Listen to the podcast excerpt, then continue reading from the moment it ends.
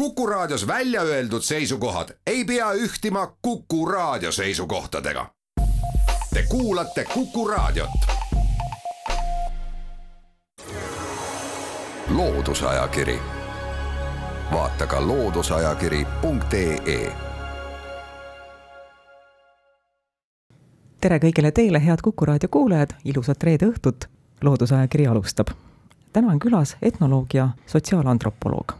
Tere, Aimar Ventsel. tervist. mina olen saatejuht Tiia Rööp. Teil on ajakirja Horisont neljandas numbris artikkel Põhjarahvad ja alkohol, müüdid ja tegelikkus ja number varasemas, Horisondi kolmandas numbris on üsna riukaliku pealkirjaga lugu miks väikerahvad välja ei sure, ma seoks need kaks artiklit kokku, sest mõneti on seal kattuvaid teemasid. miks on see nii, et eurooplaste arusaam põhjarahvast kui sellisest õilsast inimtõust on ilukirjanduslik, võib-olla isegi kunstmuinasjutu sugemetega? miks meile meeldib selliseid asju uskuda inimeste kohta? võib-olla sellepärast, et me ise ei ole nagu sellised ja siis no tegelikult on ju praegu ka selline arusaam, et ähm, kui me vaatame kas või nõuka, nõukogude aja nostalgikuid, et siis olid inimesed ausamad või inimeste vahelised suhted olid nagu ehedamad, et ähm, võib-olla üks asi on, et on olemas mingisugune igatsus nagu selliste tõeliste ehedate inimsuhete, emotsioonide ja omakasu püüdmatuse järele. Ja siis see kuidagi kui muud ei ole teha, siis avastatakse noh, mingisugused marginaalsed eksootilised rahvad ja poogitakse neile see asi külge. Nii lihtne see ongi? ei, noh, seal on hästi palju erinevaid nagu teooriaid ja vaateid, kuidas see nagu tegelikult tekkis, sest põhimõtteliselt nüüd akadeemiliselt tekkis see õilsa metslase kontseptsioon sellisel kuskil noh, ütleme seitseteist, kaheksateist sajand ja üks, kes sellele kaasa väga aitas, oli see prantsuse suur filosoof Voltaire näiteks see oli see koloniaalajastu, kuni, kuni prantslased kui ka inglased ja kui nad hakkasid põhimõtteliselt koloniseerima ütleme, Ameerika kontinenti, just Põhja-Ameerikas, kus nad puutusid ka kokku inimestega, kellesse kohe tekkis algusest saadik selline kahene suhe, mis vastandus sellele, mis oli enne, sest enne oli näiteks Hispaania selle konkistide ajal, ehk siis ähm, Lõuna-Ameerika vallutamise ajal oli, oli Hispaanias selline suur filosoofiline probleem, kas need metslased on üldse inimesed. ja sellest sõltuvalt ka sellest, kuidas neid koheldi, et kas nad võis kohe maha lüüa või pidi neid kuidagi mingit pidi ikkagi inimesena kohtlema, siis ähm, prantslastel, inglastel nojah, tekkis selline kuidagi selline tänapäeva keeles võib isegi öelda kognitiivne dissonants, et ühest küljest oli tegemist metsikute paganatega, aga teisest küljest tundus, et nad on kuidagi nagu äh, puhtamad ja õilsamad ja nad elavad, äh, nende suhe ümbritsevasse, eriti loodusesse on ka kuidagi palju õilsam ja ja seda hakati siis ka läbi kirjanduse kultiveerima, tollal oli siis kirjandus selline meedia, noh, James Fenimore Cooperi lood ja sellised asjad ja sealt,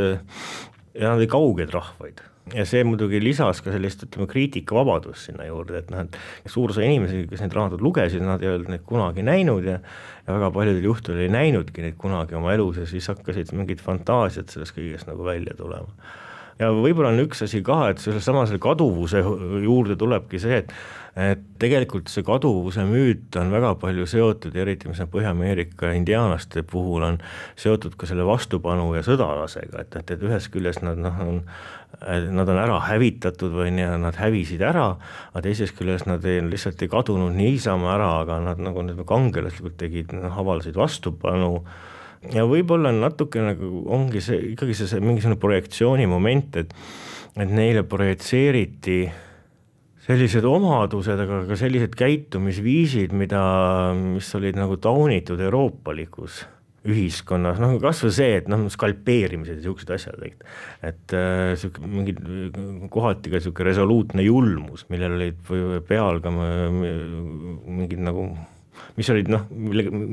ütleme, mida eurooplikus ühiskonnas ka viljeldi, aga mida siiski tauniti. ja mis olid selle tõttu nagu niisugused kuidagi niisuguses hallis tsoonis, et et äh, see, seal on jah, mingid, kõige rohkem on minu meelest seal ikkagi mingid niisugused fantaasiatega seotud nagu küsimus, noh põhjused selleks, et inimestest, nende käitumisest paremini aru saada, selleks tuleks ka teada, millistes oludes nad elavad. milline on praegu üks arktilise Siberi küla? Kui suur ta on, kui kaugel on järgmine küla, millest inimesed elavad? no ta võib olla kaks kuni poolteist tuhat elanikku jälle olenevalt regioonist, aga, aga niisugune suhteliselt tüüpiline võib olla selline küla, kus on nagu lähima saja viiekümne kuni neljasaja kilomeetri kaugusel ei ole ühtegi muud asulat. väga palju elatakse nendes kohtades siiamaani jahist ja kalapüügist. näiteks Venemaa on ainukene riik põhja poolkeral, kus on olemas professionaalsed kütid, selles mõttes, et et inimesed, kelle põhitöö ja sissetulek tulebki küttimisest, et mujal ta nagu kõrvaltegevus et kui te vaatate niisugust dokumentaalsarja, milline on Yukon Man, mis oli National Geographicu peal kunagi, võib-olla siiamaani näitas kaasaegset niisugust indiaani trappereid, siis ma olen nagu oma kolleegide käest küsinud, kes sealkandis töötavad ja elavad, et, et jah, et nad ei ole professionaalid, et nad tegelikult, see on kõrval niimoodi sissetulek, et kummalisel kombel jah, et siiamaani on, ütleme, see liha ja kala ja karusnahad on siiamaani üks, ütleks, peamine sissetulekuallikas. naised ei käi jahil ja asjad ei käi ja seal ongi niimoodi, et, et erinevates noh, siis nendes nii-öelda vanades nii-öelda puutumatu metslaste aegadest elavad, elatakse nüüd külades. Ja naised äh, on reeglina elavad lastega külades, töötavad siis äh, kohalik, noh, need töökohad, mis külas on, mis on väga paljud naised on koristajad näiteks ja, ja töötavad kohalikus administratsioonis ja töötavad õpetajatena ja töötavad kohalikus haiglas sanitaridena ja töötavad raamatupidajatena ja ütleme sellised, need on sellised tüüpilised naise tööd see tähendab seda, et naistel on regulaarne sissetulek, see ei sõltu ilmastikust, loodusandidest? jah, see ongi niimoodi ja see, seal ongi nagu kuidagi on see nende viimase, ütleme, kahekümne aastaga on see muutus tekkinud, et äh, kas riik on su suutnud kuidagi luua rohkem töökohti äh, nendes koht-, külades või mis, aga et kui ma alustasin oma välitööd äh, Arktikas, Venemaa Arktikas, siis oli niimoodi, et et põhisissetuleku toojad nagu perele olid mehed, mistõttu siis naised käisid regulaarselt tundras või taigas meeste juures lastega. Äh, sellepärast, et noh, on vaja meestel ka neid naisi sinna äh, oma niimoodi jahialadele. ja nüüd on nagu vastupidi, et naised ei lähe kuhugi äh, või väga lühikeseks ajaks, mistõttu mehed on palju paiksemaks jäänud ja nende liikumisraadius on jäänud palju väiksemaks, et enam nad ei lähe sadade kilomeetrite kaugusele nädalateks või kuudeks, aga, aga nüüd on see liikumisraadius mingi viiskümmend kuni sada kilomeetrit. Ja nendes külades, kus vanasti tegeleti väga palju noh, põhja, metsikute põhjavõttede küttimisega, nüüd üle mindud palju rohkem kalastamise sellisel põhjusel, et noh, et mm, ütleme, kahe tuhande elanikuga küla, kus on sul sadu nagu meesterahvaid, noh, seal ei saa nagu olla nagu selline Mm, elada nii, et see küttimine on peamine sissetulekuallikas, et seda noh, kalajärvi on kõik kohad täis, ütleme, üheks sissetulekuallikaks on siis äh, muutunud äh, põhjapõdraliha müügi asemel äh, nii-öelda selle arktilise kala müük äh, igasugustele kaupmeestele, kes ta viivad, viivad rohkem lõunapoolsetesse regioonidesse, kus seda kala peetakse delikatessiks. millised on noorte inimeste väljavaated, kas nad ihaldavad sellest piirkonnast ära minna kuhugile mujale elama või, või on nad seotud kodupaigaga? no ma arvan, et seal on nii ja naa, et äh, noh, ütleme nendes kandis, kus mina olen käinud, on pered suhteliselt suured äh, viis kuni kümme last, siis on, keegi läheb ära, keegi jääb asemele. et äh, päris nii nagu öelda ei saa, aga üllatavalt palju noori inimesi jäävad nendesse küladesse elama, rajavad uue pere, põhimõtteliselt juhtub sama asi, et mees elab siis juhutöödest ja hooajalisest ja, äh, kalapüügist ja mingitel hetkedel ka jahist. Ja naine siis leiab töökoha siis külas. Ja noh, eks seal oli üks see põhjus, miks ütleme, selline protsess on käimas, on see, et Venemaa on hakanud oma Arktikat nagu rohkem väärtustama. Ja üks selle väärtustamise külg on see, et on hakatud palju rohkem noh, doteerima inimese elamist Arktikas, et saadakse riigi abirahasid endale maja ehitada ja mingid noh, noh, mingid sellised, kas midagi saab odavamalt või midagi saab tasuta või millegi jaoks saab noh, abiraha saab riigi poolt grante, et äh, need summad on nagu suurenenud. ja nähtavasti üks põhjus on ka selles, et ähm, siiski on, ütleme, moodsad sidevahendid, nad on äh, palju rohkem vähendanud nende asulate isolatsiooni et näiteks Jakuutia, kus mina nagu olen käinud äh, enne, kui see koroona peale hakkas, esiteks omaette žanr on näiteks nende äh, igasuguste taiga ja tundrakülade noorte räppmuusika. Et nad teevadki nagu räppmuusikat seal oma telefonides või arvutites ja siis nagu meilgi siis see muusika levib mingi internetis ja teine asi on see, et nende elukvaliteet on tõusnud. Ja üks viis, kuidas elukvaliteet on tõusnud, et need inimesed on hakanud järjest rohkem rohkem internetipoest noh, kaupa tellima, et sa võid, vanasti oli ikka täiesti vahe oli näha, et ütleme põhjapoolsetes või nendes külades noored käisid palju vähem moodsalt ja palju odavamalt riides sellepärast, et kui sa tahtsid midagi osta, siis sa pidid füüsiliselt lendama või keegi pidi füüsiliselt lendama siin nii-öelda, nii-öelda suurele maale, aga aga tänapäeval need internetipoed töötavad enam-vähem, vähemalt nii, et sul on võimalus, kui sul raha on, on sul võimalus nagu igasse Siberi otsa tellida omale siis noh, uusi moodsaid rõivaid ja, ja ma ei tea, mida iganes, kõiki neid nutiseadmeid ja niisuguseid asju.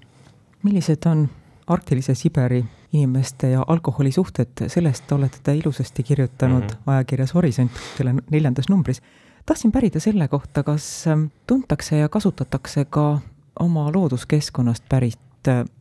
joovastavat äh, meeleolu tekitavaid, ma ei tea, seenitaimi, on neid seal? tegelikult ega eriti ei olegi, sellepärast et äh, noh, üks asi, mida, mida üle Siberi on kasutatud, on kärbseen ja teine on, ma olen mingite regionaalsete niisuguste muude joovastavate ainete kokku puutunud, eks ma mäletan, et hantidel on mingi Neil oli selline asi, et see oli mingisugune kaseseen, millest tehti mingi teatud protseduuriga niisugune tuhk, selle nimi oli tšekkam. Ja seda pandi siis huule alla, see on umbes nagu praegu on need nikotiinipadjad pandi umbes niimoodi huule alla ja see lõi siis su nagu niimoodi nurka täiesti, sul hakkas nagu, ma olen seda proovinud, et niisugune tunne, et noh, nagu mingis hästi viletsas kuuekümnendate aastate ulmefilmis, kus kõik, kus sul hakkas pea ümber ringi käima mingid sädelevad rõngad ja, ja, ja niisugused asjad. et ta oli mingi, mingi kaifi sealt nagu sai, ta tuli hästi ruttu peale, hästi ruttu nagu läks ära ka. aga noh, põhimõtteliselt ähm, punane kärbseseen on seotud väga palju selliste ebauskumustega või ütleme, religioossete uskumustega, mistõttu kärbseseent sellise narkootikumina mina ei tea, et nagu massiliselt kasutatakse, et ta on ikkagi seotud sellega, et kui sa seda kasutama hakkad ja ei oska kasutada, siis seene nii-öelda vaimud viivad su hinged ära ja nii edasi ja see asi võib väga viletsalt lõppeda, inimesed nagu kardavad seda, et ähm, põhimõtteliselt äh, täitsa tavalised joovastavad ained on alkohol tubakas ja eks noh, väikest viisi levib ka erinevaid narkootikume. aga seal on muidugi juures see, et millest ma, ma kirjutasin ka oma selle horisondi numbris, on see, et seal on tekkinud igasugused erinevad liikumised, mis ähm, üritavad võidelda alkoholi, narkootikumide tarbimisega ja need liikumised on väga tihti sellised, ütleme meie mõistes või meie keeles rahvuslikud kultuuriliikumised, kus üritatakse siis nagu läbi igasuguste traditsioonide propageerimise siis ähm, just vähendada seda noh, sõltuvust igasugu sellistest joovastavatest asjandustest, ütleme nii see nii-öelda kuivade külade liikumine, selle eestvedajaks on naised, kuidas tundub, kas ütleme näiteks jakuudi naised, mhm. on neist nii palju võimu ja väge, et nad saavad oma mehed kainetoitud ja pojad? No piisavalt, selles mõttes, et noh, tähendab seal, kus mina olen neid asju näinud, ma olen ühes kuivas Jakuudi külas käinud, aga muidu ma olen olnud Dolgani ja Vengi külades, aga noh, nii piisavalt neil ikka seda väge võimu on, et nad suudavad seda teha, noh, minu jaoks oli, ega need kohalikud naised nii pehmed ka ei ole, selles mõttes, et nad elavad täpselt sama karmi elu kui mehed. ja noh, no näiteks üks asi, kui ma käisin niisuguses külas nagu Popikai, siis äh, Tundra külades on traditsiooniline see, et noh, kust alkohol tuuakse, toovad lendurid vahetuskaubana, et vahetavad seda kala karusnahkade vastu ja ühel hetkel kohalikud naised, kui tuli mingi, mingi lennuk või helikopter, nad lihtsalt tulid küla pealt, hästi sõjakad naised piirasid selle maandumisplatsi ümber ja otsisid kõik inimesed, kes külla läksid, läbi lihtsalt ja võtsid kõik alkoholi ära. et äh, noh, nii palju seda võimuväge oli, et ähm,, et nad said seda teha. aitäh Aimar Ventsel saatesse külla tulemast. põhjarahvaste ja alkoholi kohta käivaid müüte me saates teadlikult ei puudutanud, sest neist saab lugeda ajakirja Horisont neljandast numbrist. saatejuht Tiia Rööp tänab kõiki kuulajaid, jälle kuulmiseni! loodusajakiri, vaata ka looduseajakiri.ee